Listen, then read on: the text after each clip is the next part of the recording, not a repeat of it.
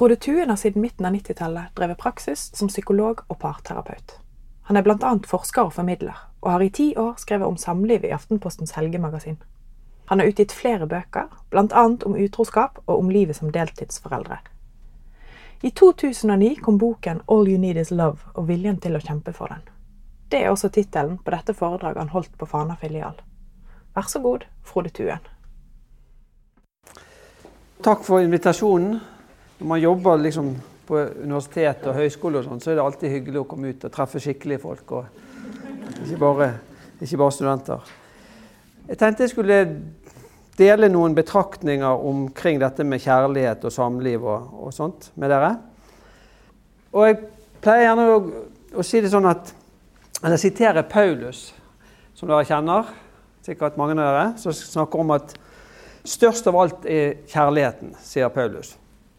Mens Beatles sier 'All you need is love'.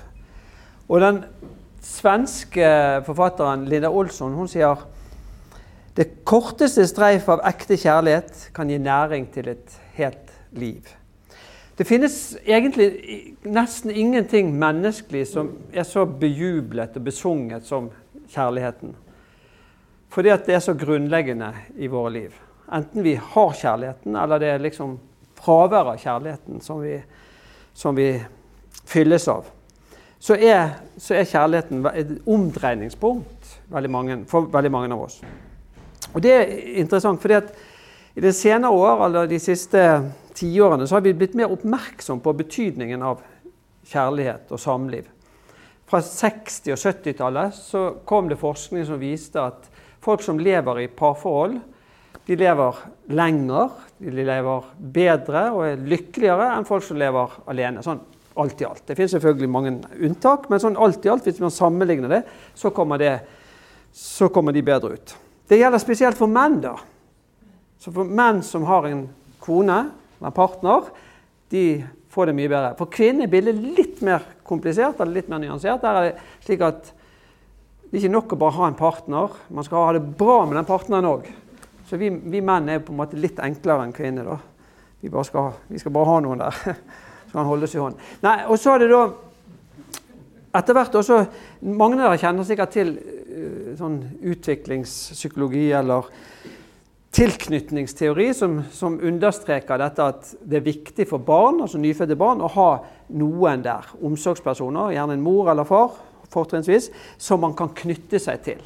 Og denne tilknytningsteorien, altså dette at barnet knytter seg spesielt til en eller noen få personer, og at det er veldig sånn grunnleggende for den videre psykologiske og sosiale utviklingen, det har vært med oss siden 60-tallet omtrent. Men de siste par tiårene har man òg blitt mer oppmerksom på at denne behovet for tilknytning det, også, det gjelder også for voksne. Det er ikke noe bare barn har når vi er nyfødt, eller når barna er nyfødt. Dette er noe vi har med oss gjennom hele livet. Så vi har alle i større eller mindre grad, eller på en eller annen måte har vi noen slags grunnleggende behov for å knytte oss til noen. Og som regel så er det da partneren vi knytter oss til. Og hvis ikke man har en partner, så lengter man veldig ofte etter å ha en partner. Uh, eller man knytter seg til noen nære venner eller barna sine. Men dette å ha på en måte noen å knytte seg til, og som veldig ofte blir da partneren, det ser ut til å være en veldig grunnleggende eh, behov for mennesker. Og vi har blitt mer opptatt av oppmerksom på det i de, i de senere år. Og vi har blitt mer oppmerksom på hva som skjer når vi da når et forhold tar slutt. Også igjen fra 60- til 70-tallet, når skilsmissefrekvensen begynte å øke så, så man, ble man opptatt av, eller interessert i hva gjør dette med folk å gå gjennom en skilsmisse. Så viste det seg altså at både for barna som opplever det, men ikke minst for de voksne, så skaper dette store utfordringer. Psykiske utfordringer. Jeg har vært, gjort en god del forskning på det området selv. Eh, hvor vi bl.a. har sett at én av tre som går gjennom et samlivsbrudd, får psykiske problemer.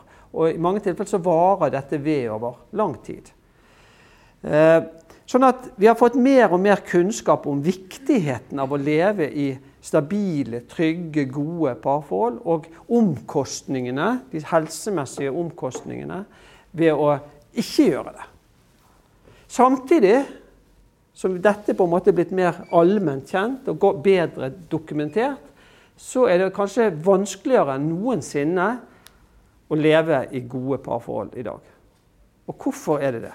Hvorfor sier jeg at det er vanskeligere i dag enn tidligere? Jo, fordi at i dag så har vi høyere forventninger til hva et parforhold skal være. Når mine foreldre f.eks levde sammen. De er døde begge to nå.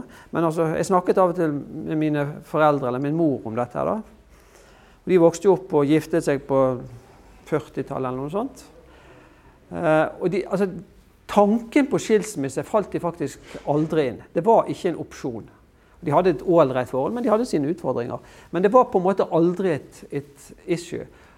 Og de var fornøyd hvis de hadde det ganske ålreit. Mens i vår tid så er på en måte hele tiden vi tester ut. Er dette bra nok? Er dette her sånn som jeg vil ha det? Er dette mannen jeg vil bli gammel med? Dette kvinnen i mitt liv? Og vi får dette hele alt får vi disse impulsene og disse her spørsmålene. Sant? Og vi lever på mange måter i en sånn tid som er veldig orientert om individet, enkeltindividet. Individualismens tidsalder, eller narsissistiske kulturen, som den også kalt, blir kalt. Sissel Gran, en annen eh, samlivsterapeut, eh, snakker om hastighetens tid. Altså Alt skal gå så fort, alt skal være så effektivt. Alt handler om på en måte å realisere våre egne behov. Hvordan er det plass, er det plass til et parforhold i vår tid? Uh, og de rammene som har vært rundt parforholdet tidligere, og særlig ekteskapet, da, dette med at det har vært vanskelig eller uakseptabelt å gå ut av det, de er jo borte. Så det som er igjen nå, det er på en måte bare Vi er der bare fordi vi vil det sjøl. Ikke fordi at noen andre sier det, eller fordi at vi ikke har råd, eller fordi at vi ikke tør å gå ut. Selv om det kan av og til være gjeldende, det òg. Man så at skilsmissestatistikken gikk ned under finanskrisen, så vi er ikke helt uavhengig av disse ytre rammene. da. Men i det store og hele så er vi sammen bare så lenge vi vil det. Og vi føler at vi får noe igjen for det. What's in it for you? Eller for meg. Um, det ligger i dette med i, i, i ekteskapsritualet. Altså, man, skal, man, lover hverandre ære og troskap inntil døden skiller oss ad. Mens i dag er det mer sånn reelt, selv om vi sier det når man gifter seg i kirken, i hvert fall, så er det mer sånn Vi lover å være sammen så lenge jeg ikke finner noe bedre å gjøre. Altså, vi har på en måte ingen forpliktelser eller løfter eller en struktur rundt forholdet som gjør at dette er noe jeg har satset på, dette er noe jeg skal være i. Og det at vi er på en måte så mye overlatt til disse følelsene altså Det er bare følelsene, følelsen av kjærlighet, ønsket om å være der, som binder oss. Og det vet vi at Sånne følelser kan være ganske skjøre. Det kan være vanskelig å pleie kjærligheten og, og um, kjenne på forelskelse og tilknytning gjennom et langt liv, hvis man virkelig tenker at man skal være sammen hele livet. Det går fint når man er liksom nyforelsket og man er veldig opptatt av hverandre og liker hverandre. og man, Alt går på skinner, liksom. Men det er ikke like enkelt når ting begynner å butte imot, og når ting blir vanskelig. Det er som snakket om at kjærlighet er narsissisme for to. Og, og, det er jo noe med det at vi er, vi er veldig sånn selvopptatt i vår tid. Og klarer vi på en måte å sette oss selv til side for noe som er større, nemlig familien. Og det er en kjempeutfordring eh, som krever en del ting av oss. Det krever at vi faktisk vil det. At vi har en vilje til å jobbe med kjærligheten. Vilje til å investere i, i kjærligheten. At vi, vi, gjør noen valg. Et interessant sånn begrepspar som, som, brukes innenfor forskning på samliv, det er to versus Nei, to decide versus to slide. Eh, og det som skjer veldig ofte i dag når man etablerer et forhold, så blir man liksom litt forelsket og treffes og dater og sånne ting. Og så på et eller annet tidspunkt så, så flytter man sammen. Og så, når man er ung, så får man kanskje barn, og så, og så plutselig så har man liksom etablert et forhold. Man har sklidd inn i et forhold. Man har altså det er, en, det er en, ikke en decision, men en en Nei, eh, vi har slidet, eller sklidd inn i, i forholdet. I, i, til forskjell for når man bestemmer seg. Dette forholdet vil jeg være i. Dette forholdet skal jeg på en måte investere i for resten av livet. Da gjør vi et, bevisst valg. Og det er de der bevisste valgene som, som i mindre grad gjør seg gjeldende i dag. Da tenk Hvis vi går en generasjon tilbake eller to sant? Når folk forlovet seg, så kunngjorde man det på lysen. Man lyste det ut i avisene. Sant? Det var offentlig kjent. Nå har vi forlovet oss. Når man var forlovet, så var man på en måte bundet. Og enda mer når man var gift, selvfølgelig. Sant? Mens i dag så er det ingen som eller i hvert fall ingen som kunngjør noe sånn at man forlover seg, eller noe, noe som helst. Man bare sklir inn i et samboerskap som eventuelt går over i et ekteskap, om det kommer noen barn inn i bildet. Men ofte er ikke det noe hindring i å gå ut av det hvis man føler at det ikke det er dette man vil. Så i, til begynnelsen så er det jo fryktelig mye sånn som trekker oss sammen og, og, gjør at vi er der og ønsker å være der. Sant? Vi har mye felles, og vi har en glede av å være der, og vi har en glede av å, å, å utforske hverandre og se hverandre dypt inn i øynene og komme liksom nærmere under huden på hverandre og andre steder. Så, men etter hvert altså Shakespeare sier eh, også noe sånt 'Min sjel er' Nei, han sier 'Min sjel er ett med din, så vi har samme sjel og samme sinn'. Og det er jo gjerne der vi føler vi er til begynnelsen. Vi føler at dette er mannen i mitt liv eller kvinnen i mitt liv. Veldig mange av de som jeg møter i, på mitt terapikontor, de sier jo det. At det var, dette var den store kjærligheten. Men så har det gått da, gjerne fem år, eller ti år, eller 15 år. Og så er det ikke lenger det. Man er, man er i tvil om man egentlig skal være i dette forholdet. Om dette var det rette. Er det han jeg skal bli gammel med? Det er hun jeg skal bli gammel med? Så selv om på en måte kjærligheten kan være aldri så sterk og overbevisende i starten, så kommer utfordringene. For alle forhold vil ha sine, sine, problemer og utfordringer. Det kan være ting som dukker opp. Man kan bli syk, eller man kan være arbeidsledig, eller det kan skje et eller annet i livet. Eller man bare sklir litt fra hverandre. Man oppdager at vi var jo ikke så, var ikke så enige, eller vi var ikke så lik hverandre som vi trodde vi var.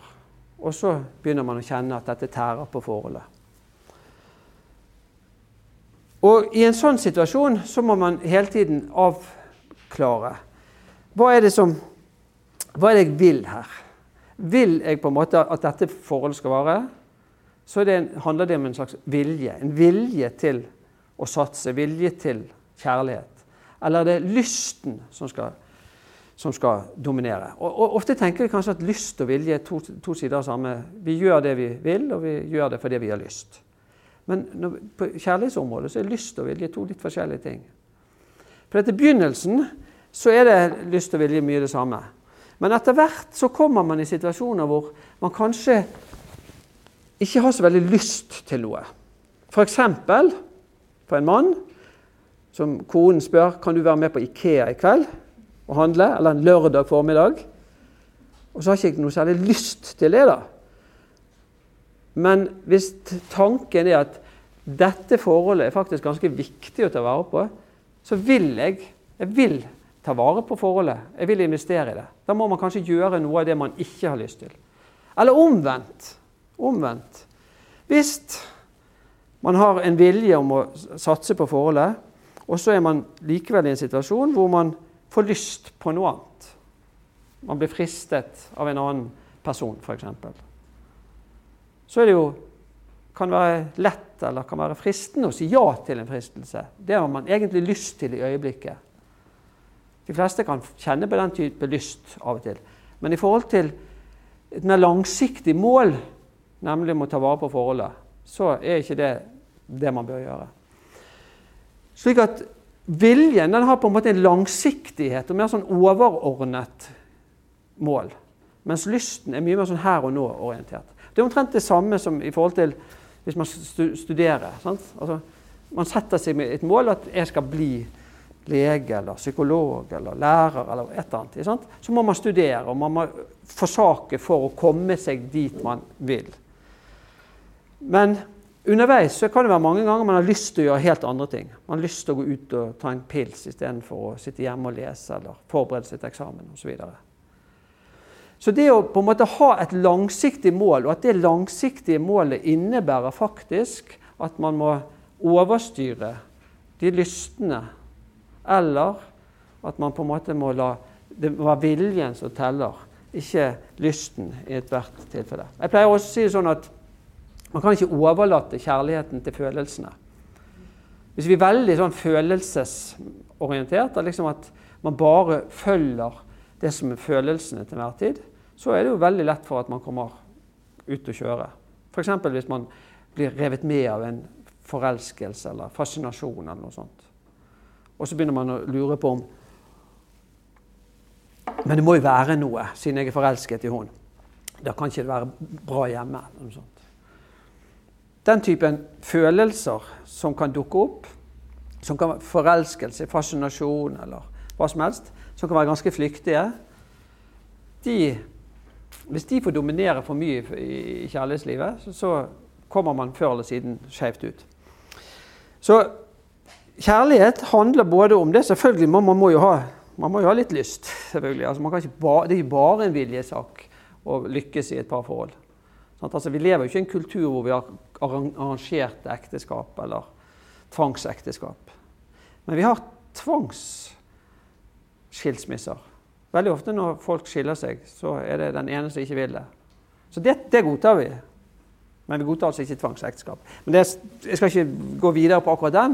Men, men, det at vi trenger på en måte være ganske rasjonelle Vi trenger å bruke rasjonaliteten vår til å på en måte korrigere utfylle og gi næring til, pleie de følelsene som er der.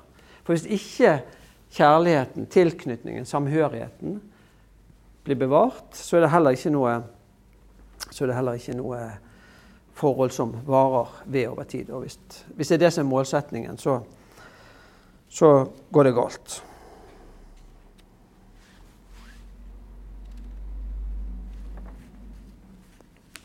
Så det som er viktig, er da å investere i forholdet. Vi må investere, og en sånn metafor er en, en emosjonell bankkonto. Det er en som heter John Gottman, som er en forsker som har gjort mye på, på dette området, som har lansert dette begrepet emosjonell bankkonto. Og det er nesten som enhver annen bankkonto, eller en vanlig bankkonto. det er at For å ta ut, så må man sette inn. Og hvis man tar veldig mye ut, stadig vekk tømmer kontoen, eller tar ut, så, så, blir han tømt. Så det må på en måte komme inn noe for at det ikke skal bli tømt. Eh, og hvordan er det vi investerer i forholdet? Jo, det kan vi gjøre på mange måter. Men John Gottman sier at det, det er liksom tre, tre, sånne begrep som kan beskrive hva, hvordan vi tar ut, altså belaster kontoen, og hvordan vi fyller kontoen. Og det er begrepene 'moving towards', 'moving away' og 'moving against'. Det er ikke så lett å oversette på norsk, men dere skjønner det sikkert allikevel. 'Moving towards' det vil være en situasjon hvor jeg f.eks. kommer hjem, og så har jeg en, hatt en slitsom dag på jobben. Så sier jeg vet du hva, i dag var det forferdelig på jobben. Så sier min kone oi, fortell. Det var spennende, eller det var, det var ikke spennende. Det var, det var, interessant. Si meg hva det var for noe. Da føler jeg at partneren min venner seg til meg og er der for meg. Det er jo 'moving towards'. Mens 'moving away' vil være en, en, annen situasjon. Jeg kommer hjem, forteller at det var en forferdelig dag på jobben, og partneren min sier sånn OK, ja ja, vi har nå alle våre ting, men eh, jeg er litt opptatt her ennå, så kan ikke du ta deg av ungene. Altså, Der er ikke noe respons. Du får ikke noe anerkjennelse eller gjenkjennelse. eller Du blir ikke møtt på din invitt, det du har et behov for å dele. Og så den tredje situasjonen. Du kommer hjem, har hatt det forferdelig på jobben i dag, og så sier konen Vet du hva, Er det det første du sier når du kommer hjem? 'Jeg er så lei at du bare skal klage og syte.' Kan ikke du for en gangs skyld komme hjem og si noe hyggelig? Altså piggene ute med en gang. Det er jo enda verre. Du blir møtt, du har en bekymring, et eller annet som du ønsker å dele, og så bare blir du møtt med en avvisning og et angrep. Og sånn er vi, mange av oss. Sånn at vi veksler litt. Noen ganger er vi kanskje veldig sånn lyttende og tilstedeværende. Andre ganger er vi litt sånn fjern, og andre ganger igjen så er vi litt aggressiv eller antagonistisk. Og hvis det er mye av det siste, altså hvis det er mye at vi ikke er til stede, eller at vi vender oss against partneren vår, så hver gang vi gjør det, så trekker vi ut fra den emosjonelle bankkontoen. Mens hver gang vi viser at vi er der, vi er oppmerksom, vi bryr oss, vi er til stede, så investerer vi. Og så er det slik at de negative tingene, altså det som er på en måte konfliktfylt eller unnvikelse, manglende tilstedeværelse, det gjør dypere inntrykk på oss enn det positive. Så, og så har John Gottman da, gjort interessant forskning. For, altså for, lenge siden, lenge før Big Brother, og sånt, så etablerte de et laboratorium hvor de inviterte folk, par, inn til å være der i 48 timer eller 72 timer. eller noe sånt. Alt ble filmet. Utenom på, på, på, på toalettet, tror jeg. Men ellers var stort sett alt filmet. Og så så man på hva er det som kjennetegner disse parene. Altså Hva er det som kjennetegner deres kommunikasjon og måte å møte hverandre på og være til stede for hverandre? Hva de krangler om osv. Og så har han fulgt de samme parene i 10-15, faktisk opptil 20 år.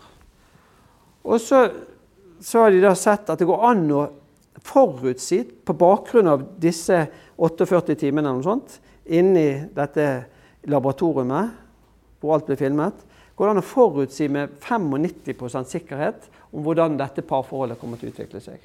Er dette et par som har det bra om 10-15 år, eller er skilt? Eller er dette noen som, som ja, noen som har det bra, eller er noen som eventuelt har det ille, eller eventuelt har skilt seg også? Han snakker om masters og disasters. Masters det er de parene som da utvikler seg bra og har det godt etter mange mange år. Mens disasters er det de som da ikke klarer å bevare nærheten og omsorgen og samhørigheten. Og så viser det seg da, når man da analyserer disse videofilmene av disse parene, at det er tilstedeværelsen av disse her mønstrene som snakker 'moving towards', 'away', 'against', det er det som på en måte skiller masters fra disasters. Og det ser ut til at det, skal fem gode ting. Fem positive ting for hver negativ ting. Så hvis du har hatt en krangel med partneren din, så skal det liksom fem positive ting til før han eller hun begynner liksom å si OK, nå er vi skudd. Nå, vi, nå er vi ferdig. Sånn at de der negative Altså vi trekker mye mer ut fra bankkontoen enn vi setter inn. Så derfor Derfor må vi hele tiden sørge for at vi får fylt opp denne kontoen på en sånn måte at vi ikke går i minus, eller at vi går tom på, på, på kontoen. Så, og Det betyr at vi må altså pleie forholdet. Og hvordan gjør vi det? Jo, vi må da være der, vi må finne på hyggelige ting. Vi må vise omsorg, vise oppmerksomhet. Kjenne på tilhørigheten og fellesskapet osv. Så, videre. så vi må pleie forholdet som om det var en plante. Det interessante er jo, eller det tankevekkende er jo at mange folk, kanskje spesielt menn, av og til kvinner, er ganske dårlige på å Sånn altså, de pleier kanskje bilen sin eller sykkelen sin bedre enn de pleier forholdet. Sånn? En sykkel koster kanskje 2000-3000. En skilsmisse koster mye mer, for å si det sånn. Så så, så, det er noe med at vi, vi, har en tendens til å ta det som går bra, for gitt. Når noe går bra i et forhold, så tenker jeg at sånn Det skulle bare mangle. Jeg hadde en, eh, en klient en gang som sa Han hadde en sånn selvinnsikt og reflekterte over liksom, ting hadde gått ganske dårlig. Så sa han at han hadde behandlet, sett på konen sin som et møbel. Hun var der alltid. Hun var der alltid. Og det er det der, altså Vi stiller på en måte ikke krav til et møbel eller til en sykkel eller til en bil. Altså, men vi, vi, de er der bare. Mens en partner den kan vi jo på en måte ikke bare regne med at skal være der i, i all fremtid. Den må, den må behandles eller pleies, og man må vise engasjement. Og dette engasjementet og innlevelsen som da forsvinner ofte ut når man har vært sammen en stund. Eh, så det ene er det å, å, å pleie forholdet og gjøre ting som man opplever som, som, på en måte en bestyrkelse av det fellesskapet som man har. At man lever i et fellesskap, og ikke bare sånne parallelle liv. Sånn når man får barn, f.eks. Vi ser jo det. Folk som får barn. Det er jo interessant. Dette har vi også gjort forskning på. Når de er gravid, så er de som regel ganske Første gang, da. Så er de veldig lykkelig lykkelige i forholdet. Sant? Det er mye forventning og det er mye spenning. og sånt. Men så kommer barnet, og så er det en, en ganske stor gruppe som da Der synker trivselen ganske drastisk. Og mer krangling, og man begynner å skli fra hverandre og gå inn i sånne tradisjonelle kjønnsrollemønstre. Enda verre når barn nummer to kommer. Så da er det jo skikkelig ille. Heldigvis er det sånn at når du får barn nummer tre, så begynner det å gå opp igjen. Så det kan være en liten trøst. Neida, men, så disse endringene som skjer i livet, det gjør jo noe med oss som par. At vi plutselig er et annet sted, i en annen livssituasjon, som krever andre ting av oss. Jeg har den spalten min i Aftenposten, og der får jeg mange rare Eller ikke bare rare, men også rare innlegg. Og En dame hun skrev inn at hun har vært sammen med mannen sin, eller levd sammen med mannen i tolv år. Og så har hun registrert at blodet bruste ikke lenger i henne mens mannen kom hjem. Så jeg, det er jo ikke så veldig vanlig at blodet bruser liksom, av å se ektemannen etter tolv år. Det er kanskje litt andre ting som er viktig når man har vært såpass lenge sammen. Og det er det der å kunne klare å justere de forventningene etter hvert som vi går inn i nye faser. Det er litt som med barn. Alle som har hatt barn, de vet jo at barna vokser, selvfølgelig, og vi må endre forventninger til barn og måte å møte dem på, måte å håndtere dem på, selvfølgelig, etter hvert som de blir voksen.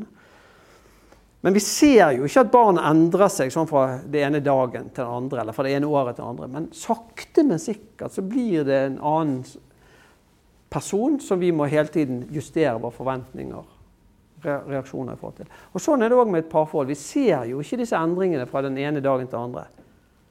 Sånn, de, er jo, de, er jo, usynlige for oss. Men hvis vi ser tilbake, plutselig ser tilbake Hvor var vi for ti år siden? Nei, Da hadde vi ikke barn, og vi levde på en helt annen måte enn vi lever nå. ikke sant? Klart at da er også forventningene og mulighetene og behovene, interessene, kan være veldig annerledes. Og Hvis ikke vi hele tiden er i stand til på en måte å fange opp de forandringene som skjer, på en måte sånn, ha en slags Ta pulsen på forholdet. Finne ut hvor er vi nå? Er vi der vi skal være? Er vi på riktig vei? Eller er vi faktisk helt på feil kurs? Så vil man på et eller annet tidspunkt komme i en situasjon hvor man kjenner at hva, det er ikke noe igjen i den emosjonelle bankkontoen. Jeg har tømt meg. Jeg har dratt ut, tatt ut så mange ganger at nå er det ikke noe overskudd igjen. Og så begynner man litt sånn frenetisk å, å prøve å fylle på, da. Men da er det ofte for seint. Um, de som tar kontakt med meg, det er som regel kvinner. 70% Og det gjelder ikke bare meg, det gjelder altså folk innenfor familievern og sånt også. Det er sånn ca. 70% kvinner som tar kontakt. Eh, og når det er en mann som tar kontakt, så er ofte situasjonen den at de har hatt problemer ganske lenge, og kona har mange ganger sagt at dette her er ikke bra, nå må vi gjøre noe. Og så har han sagt nei, vi klarer oss, eller vil ikke høre på det øret. Og så på et eller annet tidspunkt så sier hun nei, nå vil jeg ikke mer. Da kommer ofte mennene på banen. Så når en mann ringer til meg, så er ofte prognosen litt dårlig, da. Dessverre. Men ikke alltid. Det går an å snu. Men, men dessverre så viser undersøkelser at man oppsøker hjelp sånn gjennomsnittlig seks år etter problemene har begynt å gjøre seg gjeldende. Og I løpet av de seks årene så kan det ganske mye skje. Mange, brist, mange drømmer som brister, og mange problemer som kan få sette seg, og som gjør at man ikke kommer, man kommer noen vei. Så, og Noe av det som jeg også møter i, i, i terapi, det er jo folk som sier at at ja, men sånn er jeg. Jeg kan ikke gjøre noe med det. Dette er meg. Sånn har jeg alltid vært. Sant? Mens det man kanskje trenger, det er å justere seg og finne ut liksom, ok, Sånn var jeg den gangen vi traff hverandre. Det funket da, men det funker ikke så bra nå når man er 40 eller 50 eller noe sånt. Og det da hele tiden kunne være en slags sånn endringsberedskap i forhold til forholdet, hvor er vi, men også i forhold til seg selv. Jeg, hold, jeg, husker jeg holdt en gang et sånt foredrag for noen uh, Lions-klubb eller noe sånt. Eller noe i den dur. Og det var Gjennomsnittsalderen på de folkene som var der, de, den var sånn et sted mellom 70 og 80 år. Og så var han som skulle introdusere meg, da, han var sikkert 80 og vel så det. Så holdt han en ganske sånn flott innledning hvor han understreket liksom det med personlig utvikling og endring og sånt. Og jeg tenkte utrolig flott at folk, når de er så langt opp i årene, likevel kan ha et ønske om og et målsetning om at jeg vil, jeg vil utvikle meg. Det er hele tiden muligheter for å utvikle og behov for å utvikle seg. Og Sånn er det òg i et, et parforhold. Altså man må liksom hele tiden være i en dialog med, med, den andre og med seg selv. Er vi på rett kurs? Gjør vi det som vi trenger for at dette her prosjektet vårt faktisk skal vare? Og så har vi jo da den, Ikke motsatte, men en, et aspekt av det er jo da konen som vil forandre mannen. Eller eventuelt mannen som vil forandre konen, men det er veldig ofte konen som vil forandre mannen. Um, og det er ikke så, så, enkelt. Det er ikke enkelt å forandre eh, noen. Du kan forandre deg sjøl. Man kan gjøre ganske mye med seg selv. Men man kan, man kan ikke så lett forandre andre. Som uh, Churchill sa en gang at 'jeg elsker å lære, men jeg hater å bli undervist'. Og Det gjelder jo òg veldig ofte i parforhold. Sant? Så vi må på en måte prøve å få frem den der indre driven, indre reguleringen av våre egne sider. Enten det er temperament, eller det er hvordan vi håndterer følelser eller skuffelser eller frustrasjoner. Hvis det er partneren som sier at du må skjerpe deg, og sånt, så hjelper det veldig mye mindre, i hvert fall.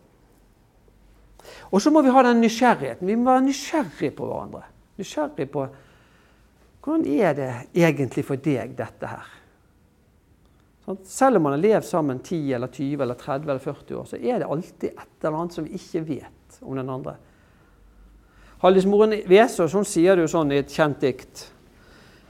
Du går fram til mi innstegrind, og jeg går òg fram til di. Innenfor den er hver av oss ensom, og det skal vi alltid bli. Dette Det er alltid også noe som vi på en måte ikke kan dele, eller kanskje ikke bør dele med den andre. Så vi er jo tross alt to, to individer som forstår og opplever verden litt forskjellig. Så det er på en måte i det der møtet hvor vi er to individer som ser på en måte det samme, men vi ser det likevel fra to forskjellige steder. Og vi kan anerkjenne at du er du, og jeg er jeg. Men vi, vi har en samhørighet. Vi har noe som binder oss sammen. Men den nysgjerrigheten den forsvinner jo ofte. Og Det er òg noe av det som jeg ser hos parene som går hos meg. Som har vært gift i en del år, eller levd sammen i en del år. De spør hverandre lite lite sånn utforskende om hvordan har du hatt det på jobben, eller hvordan var det? Hvordan opplevde du det? Eller hva skjedde med deg da? Eller hvordan tenkte du da? Sånn, for de tenker at 'jeg vet jo alt'. Eller de har ikke sånne samtaler i det hele tatt. Disse mer sånn samtalene som handler om oss som individer, som kommer liksom på innsiden av opplevelsene våre. At det bare handler om unger og logistikk og praktiske ting og sånne ting.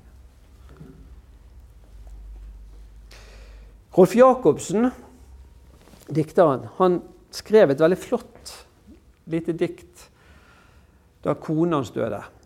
Da hadde de vært gift i over 50 år, og de kjente hverandre kjempegodt. Fordi at de har bodd så, sammen, så lenge sammen. Men de hadde òg hatt et sterkt samliv med masse utfordringer, men også veldig mye åpenhet. Gjennom, han var jo internert etter krigen eh, pga. et landssvikoppgjør. Og, sånt, og da skrev de lange, veldig, veldig lange, veldig private og, og sånn åpne brev til hverandre. Så dette var folk som var veldig veldig på innsiden av hverandres opplevelser gjennom et helt liv. Men likevel, når hun døde, da, så skrev hun dette diktet som het 'Kjente jeg deg', som jeg tenkte jeg skulle lese for dere. Kjente jeg deg egentlig? Noe du aldri fikk sagt eller vi lot ligge? Halvtenkte tanker, en skygge som strøk over ansiktet. Noe i øynene. Nei, jeg vil ikke tro det. Men det kommer igjen. Natten har ingen lyd, bare rare tanker ord som stiger av søvn. Kjente jeg deg? Og jeg tenker at Dette er jo liksom uttrykk for nettopp dette at vi, vi blir aldri utlært. Vi blir, kommer aldri sånn helt til bunns i et annet menneske. Og det å bruke det som en ressurs, som noe som skaper og vedlikeholder den nærheten og dette, denne samhørigheten som er så viktig, det er det er kanskje det som skal til for at man skal klare å, å bevare et, et, godt forhold over mange år. Men så En annen ting som møter meg veldig ofte i møte med, eller når jeg da sitter med par som sliter, det at de sier På et eller annet tidspunkt så sier de alltid Men vi er jo så forskjellige. Det kommer i første time eller andre time, men det kommer alltid. Vi er jo så forskjellige. Og så sier jeg da, som regel så sier jeg, Ja, OK, dere er forskjellige, men det var dere jo den gangen dere traff hverandre òg. Var dere ikke? For de tingene de er forskjellige på, det er gjerne sånne personlige egenskaper. Han er så fryktelig petentlig, og hun er så impulsiv. Eller han er så sosial, og hun er så lite sosial. Eller den ene er så opptatt av å spare, den andre et ødeland, osv. Dette er jo sånne personlighetstrekk som kanskje gjør at vi i utgangspunktet tiltrekkes. I utgang, altså, typisk vil det være en, en kvinne for eksempel, som har levd sammen med en mann som har drevet og vært dominerende og slem og li, lite forståelsesfull. Og så endelig treffer hun da hun blir skilt, og så treffer hun en mann som, som, som er veldig snill og omsorgsfull og lyttende og forståelsesfull. Sånn det er derfor hun faller for ham. Men etter en stund så er han bare kjedelig. Sånn at det som på en, i utgangspunktet kanskje er det som vi faller for, det kan i neste omgang bli det vi ikke liker, eller det som vi sliter med å like. Men uansett så er det slik at disse forskjellene i personlighet det er ikke det som er avgjørende. For Hvis det hadde vært avgjørende, da hadde det vært et problem fra første stund. Men det er det sjeldent problemet, eller forskjellene blir et problem først når man begynner å tære på denne her bankkontoen, når den er tom. Da begynner man å stille spørsmålstegn med partneren og hans eller hennes intensjoner eller motiv. Kan jeg egentlig stole på han, eller er hun her for meg, eller vil vi det samme? Eller man begynner å irritere seg over disse egenskapene som, som tidligere var ikke var noe viktig i det hele tatt. Så det skjer noe med oss når vi begynner å miste tilliten til hverandre og miste troen på forholdet. Da begynner vi å, begynner vi å henge oss opp i disse forskjellene. Så mer enn at vi skal tenke at forskjellene er problemet, så skal jeg heller tenke at forskjellene de er der, de. Og de kan være utfordrende, de kan være livgivende. Altså, Hvem har lyst til å gifte seg med sitt eget speilbilde, eller altså en, en dobbeltgjenger. Sant? Vi trenger noen som vi kan bryne oss på, noen som kan korrigere oss, noen som kan komplementere oss. Vi trenger ikke noen som bare, bare er det samme som oss. Men samtidig må vi òg kjenne på den tryggheten at ok, vi er forskjellige, men vi vil det samme. Vi vil dette forholdet. Vi kjemper for det samme forholdet. Det siste jeg tenkte å si litt om, det er Problemer dukker opp, Og vi, vi, har, vi, har, vi, har, utfordringer i forholdet. Det har alle. Nesten alle. Og vi sårer hverandre, vi skuffer hverandre, vi svikter hverandre i større eller mindre grad.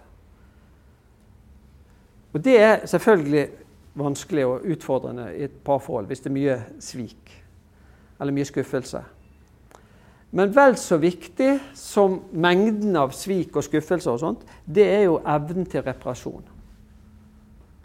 Hvis ikke vi har evnen til å reparere det som går galt, så tåler forholdet lite skuffelser. Eller da vil i hvert fall de skuffelsene som kommer, de vil tære veldig mye på den emosjonelle bankkontoen.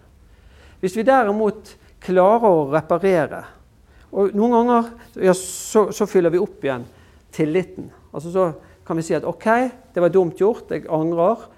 Og så kan vi faktisk gå videre, og man kan legge det bak seg.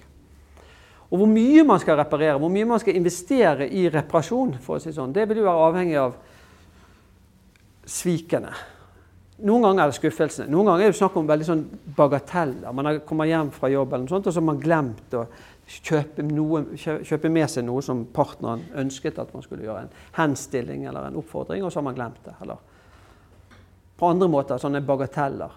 Da vil det være nok kanskje bare å si vet du hva, 'Unnskyld, jeg glemte det. Beklager.' Men selv den lille reparasjonen som ligger i det å si unnskyld og beklage og ta ansvar for at man har gjort en annen bommert eller feil, den sitter ganske langt inne for en del folk. Det er mange av de jeg møter, som sier at 'nei, 'Unnskyld, det er ikke min greie'. Eller partneren sier det om den andre. Han, han kan aldri si unnskyld. Jeg har aldri noen gang sett at han eller hun har tatt selvkritikk. Så bare på det helt sånn basale, enkle, dagligdagse nivået så er det noen som sliter med det å ta ansvar for sine feil. Eller synder, for å si det sånn. Verre er det selvfølgelig hvis det er snakk om større synder. Hvis man virkelig har sveket partneren. Vært utro, f.eks.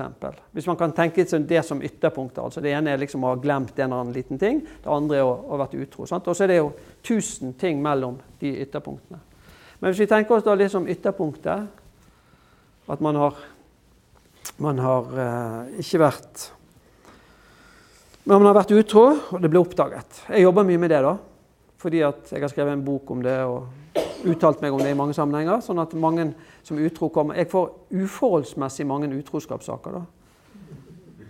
Og når jeg jobbet med den utro, utroskapsboken, sånt, det var jo utroskap morgen og kveld. og ja, Jeg følte liksom at det preget livet mitt på alle måter. Men, men bare i teorien, da.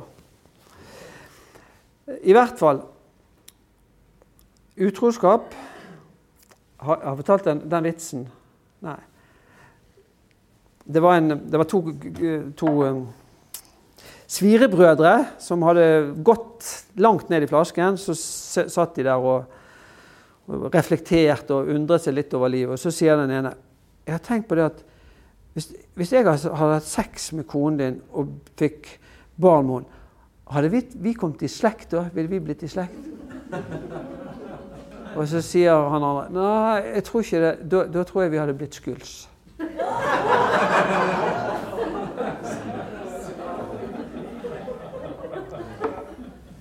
Så det. Nei, men eh, Ja, det fikk meg til å tenke på en annen utroskapshistorie. Uh, det var altså en Den er nesten sånn, i hvert fall. Det var en mann, en ung gutt, som kom hjem til, eh, til til foreldrene og funnet seg en kjæreste. Og, og Foreldrene syntes at det var storartet og flott. Og sånt. Og så spurte han liksom ut, og sånt, og han fortalte og tegnet og fortalte. Og så var spørsmålet ja, hva heter hun da? Og så, så sier han da hva hun het. Og så moren syntes dette var bare storartet. Og, men faren ble litt sånn, litt sånn, han ble litt sånn treg da. Eller virket litt brydd. Og så litt seinere så spurte sønnen at jeg, jeg syns ikke Det virker ikke du ble helt glad når jeg fortalte denne historien om den nye kjæresten min. Og så sa faren nei, saken er Jeg må fortelle deg noe. Og det var at jeg, jeg var altså utro når du var liten. Og, og det var da til moren til denne, denne jenten. Så dette er altså din, din halvsøster. Eh, og denne gutten ble jo da selvfølgelig, eller unge mannen ble jo knust. Men han, eh, men han eh, tenkte at OK, jeg kan ikke gå videre på dette. her da. Og så, og så gikk noen ting videre, og han kom seg etter sorgen. Og Så gikk det noen år, og så kom han tilbake igjen og så fortalte han eh, igjen at nå hadde han endelig truffet en ny kjæreste. Og moren var enda mer glad enn sist gang, og faren virket fremdeles litt sånn brydd da, når det kom for en dag hvem det var. Og så, så tar han faren for seg etterpå og sier Jeg skjønner meg ikke, du, virker jo, du virker jo ikke glad. Og så sier faren Nei, vet du hva, dette er jo helt forferdelig, men jeg må jo bare si det at jeg var utro en gang til, og tilfeldigvis var det var det moren til du, Dette er bare helt utfattelig trist og ufattelig at noe sånt kan skje. Og så, så sier han eh, sånn at dette, her, dette er vanvittig. Dette kan ikke jeg, kan ikke jeg eh, holde inne. Altså, nå går jeg og forteller det til, til, til, mor. Og så sa far nei, du må ikke gjøre det. du må ikke gjøre det. Jo, dette går jeg og forteller. Så gikk han til moren, så, så, og så sier han det til henne, og så sier, så sier moren nei, men bare slapp av, du. Han er jo ikke din far. Ja, ja. Det var, eh, det var noe, noe, Ja. Anyway, i hvert fall. Hvis, hvis man har vært utro, så er jo selvfølgelig behovet for reparasjon mye, mye mer Da er ikke det nok å si unnskyld. ja, Sorry, det var dumt. Det var, det var leit at jeg var utro. Altså. Men jeg mente ingenting med det, og nå må vi være ferdig med det. Noen velger faktisk det, eller prøver på det. De tenker at når jeg har sagt sorry, og, jeg, og nå må vi bli ferdig med det, og sånt, så får det være nok. Men altså når krenkelsen og sviket er stort nok, så krever det innmari mye bearbeiding og innmari mye reparasjon før skaden eventuelt er rettet opp. Det er ikke sikkert det går an å rette opp skaden, men hvis for å være mulig å rette den opp, så må man gjøre veldig mye innsats. Og det å være på en måte i stand til å vurdere og, og, se liksom, hvor, hva må jeg gjøre nå for at vi skal klare å hente ned igjen dette her klare å legge dette bak oss og gå videre og ha fornyet tillit til dette forholdet. Det er, det er noe som faller veldig tungt for noen folk. Enten at de ikke vil si unnskyld, eller at de bagatelliserer, skriver, eller øh, frasier ansvaret og legger skylden på noen andre eller på fylla eller hva som helst, men ikke tar ansvar for det som har skjedd. Så det man trenger når man virkelig har sviktet den andre, det er å ta, først og fremst å ta ansvar for ja, dette gjorde jeg, og dette var helt galt gjort. Og man trenger også, så langt som mulig, å vise anger. Og da hjelper det faktisk å angre reelt. Hvis ikke man angrer, så har man jo et problem. Men man må i hvert fall prøve å gi inntrykk av at dette er faktisk noe som gjør vondt å tenke på at jeg har såret deg så veldig mye. Og hvis man skammer seg, så er det ekstra bra. Sant? Jo, fordi at det viser at her er det Det er ikke bare fordi at du har oppdaget meg at jeg syns dette er ille. Men det er faktisk fordi det er ille for meg òg. Det er ille for meg å erkjenne at jeg har gjort det. Så den skammen, det er jo noe man Altså ens eget superego, eller samvittighet, som sier at dette her var nedrig, eller dette var skammelig. Sant? Mens noen de har jo ikke skamfølelse, og så lenge partneren ikke har sett de eller har eh, på en måte tatt de i, i, i, krenkelsen, så har de heller ikke noe problemer med å, å, leve med det. Så det å hele tiden kunne kjenne etter hvor er vi på denne, denne svikskalaen fra det bagatellmessige, dagligdagse til det veldig, veldig alvorlige og klare å innse at man må reparere på en måte som virkelig hjelper. Man kan på en måte ikke slukke ikke, altså det, Hvis du virkelig er en stor brann, så hjelper det ikke å tisse på deg. Altså, da må man ha en hageslange, eller altså, da må det noe alvorlig til. Og Det å på en måte kunne kjenne igjen hva skal til for at jeg skal, at jeg skal klare å komme videre, eller vi skal klare å komme videre med dette, det er det er helt avgjørende. Hvis ikke, så ender du i et brudd. Og det er jo det som dessverre ofte er tilfellet. Altså, halvpart, vi leser ofte at halvparten av alle ekteskap ender i brudd. Det er ikke helt riktig. Det er sånn rundt 40% men det er jo en høy andel allikevel. Og for de som ikke er gift, som er samboere, så er andelen mye høyere. Det er tre ganger så høy risiko for at samboerskap hvor det er barn med i bildet, ender i et brudd enn et ekteskap. Og Jeg pleier ofte å si til de parene som vurderer å gå fra hverandre fordi at ting er vanskelig, og de sliter Og da vil ofte brudd fortone seg som litt sånn fristende. Så pleier jeg ofte å si til at ok, men da skal du virkelig tenke igjennom. Da skal du virkelig lage deg et scenario hvor, hvor, du, blir, hvor du er skilt. og ta, ta inn over deg eller tenke igjennom hva vil det faktisk innebære. For det noen gjør, det er at de idylliserer den der tilværelsen som singel.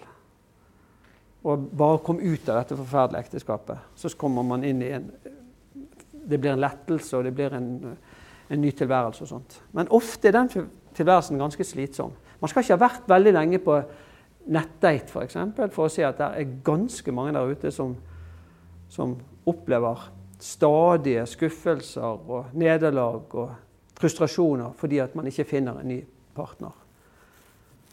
Så man vet på en måte hva man har, på godt og ondt. Det kan være ganske slitsomt av og til. Men man vet ikke hva man får, og det man får, er ofte ikke spesielt mye bedre. Dessverre. Og når man ser på andregangs ekteskap, så er skilsmissefrekvensen høyere enn førstegangsekteskap. I hvert fall fra amerikanske studier. Vi vet ikke helt sikkert i Norge, men det er vel sannsynlig også gjør seg gjeldende i Norge. Så, så, min oppfordring er jo da det er jo altså, Prøv å jobbe med forholdet seriøst. Virkelig.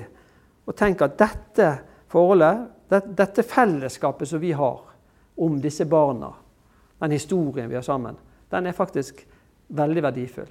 Selv om det er noen utfordringer og noen problemer der, så er det faktisk ganske verdifullt.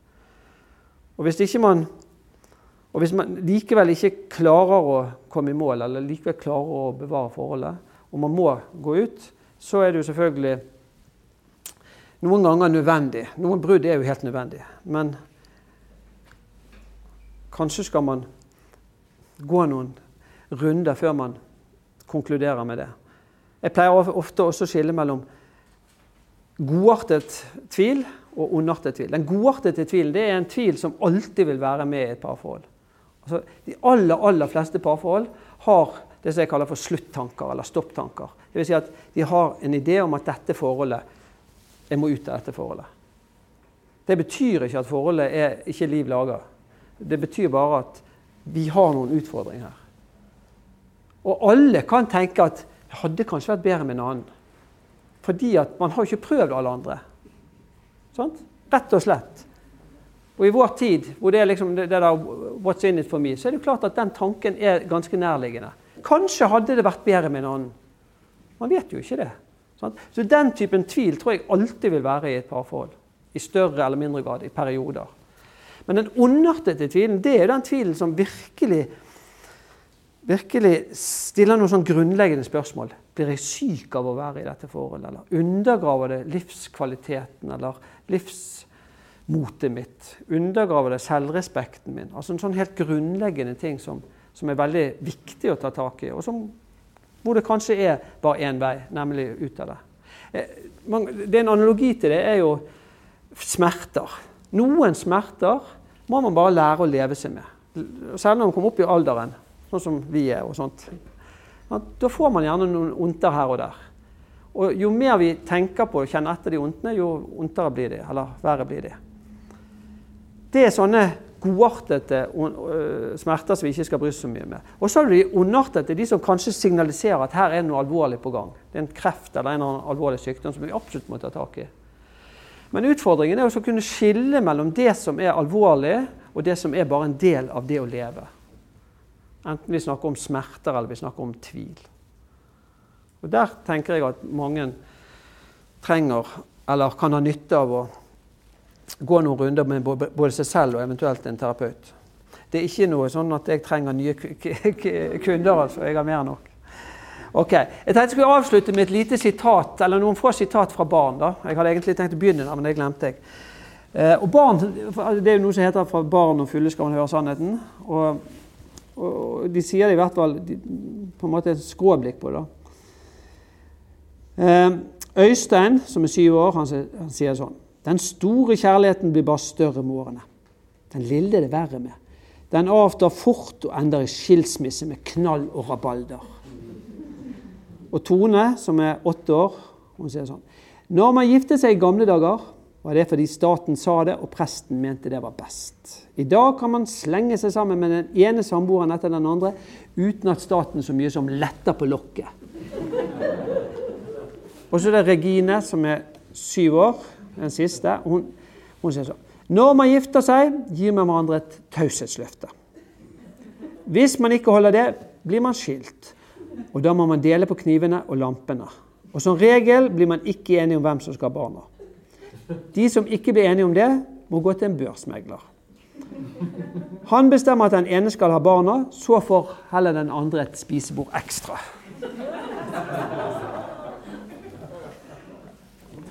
Så hvis dere først skal skille dere, så er det bra å ha et, et spisebord ekstra. OK. Takk for meg. Det var omtrent det jeg hadde tenkt å si.